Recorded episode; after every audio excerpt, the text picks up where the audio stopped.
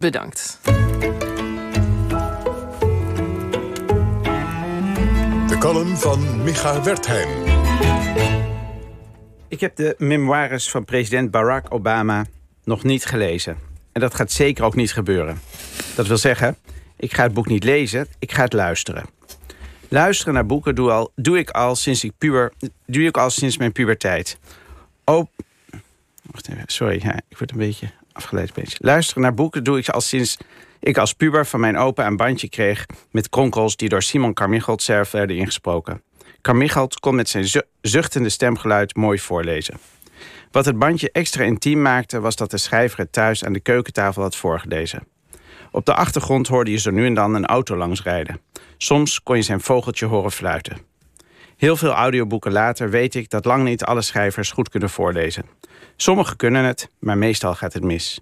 Beroemde acteurs kunnen trouwens vaak ook niet goed voorlezen. Acteren en voorlezen zijn twee heel verschillende talenten. Van al die voorlezers die ik sindsdien op bandjes, cd's en mp3's geluisterd heb... was Barack Obama een van de allerbeste.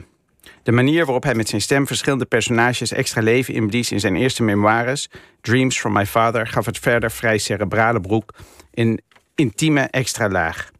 Ik zal nooit vergeten hoe Obama mij via mijn koptelefoon over zijn Indonesische stiefvader vertelde.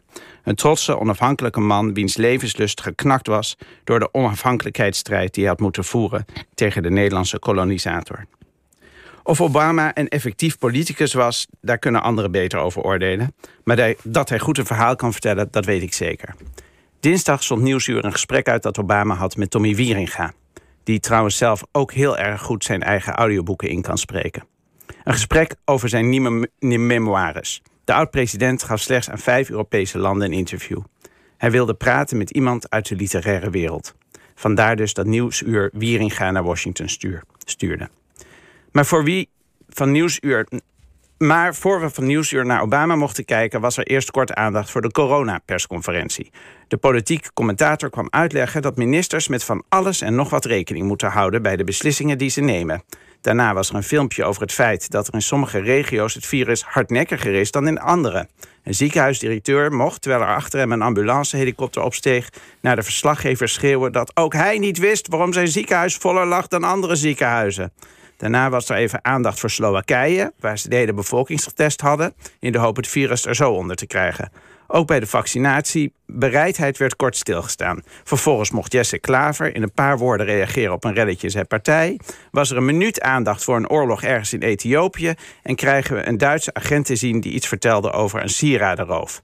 Ten slotte was er nog even aandacht voor poederbrieven... waarvan niemand wist wat wie ze gestuurd had en wat voor poeder erin zat... maar wel was duidelijk dat niemand er ziek van was geworden.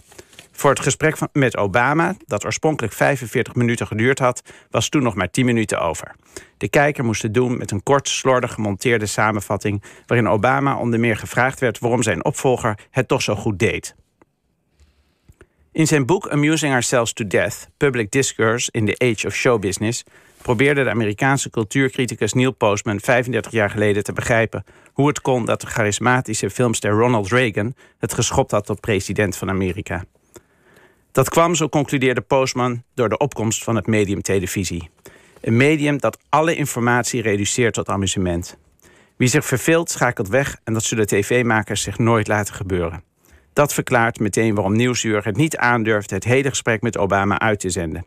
De kijker zou zich wel eens een seconde niet geamuseerd kunnen voelen.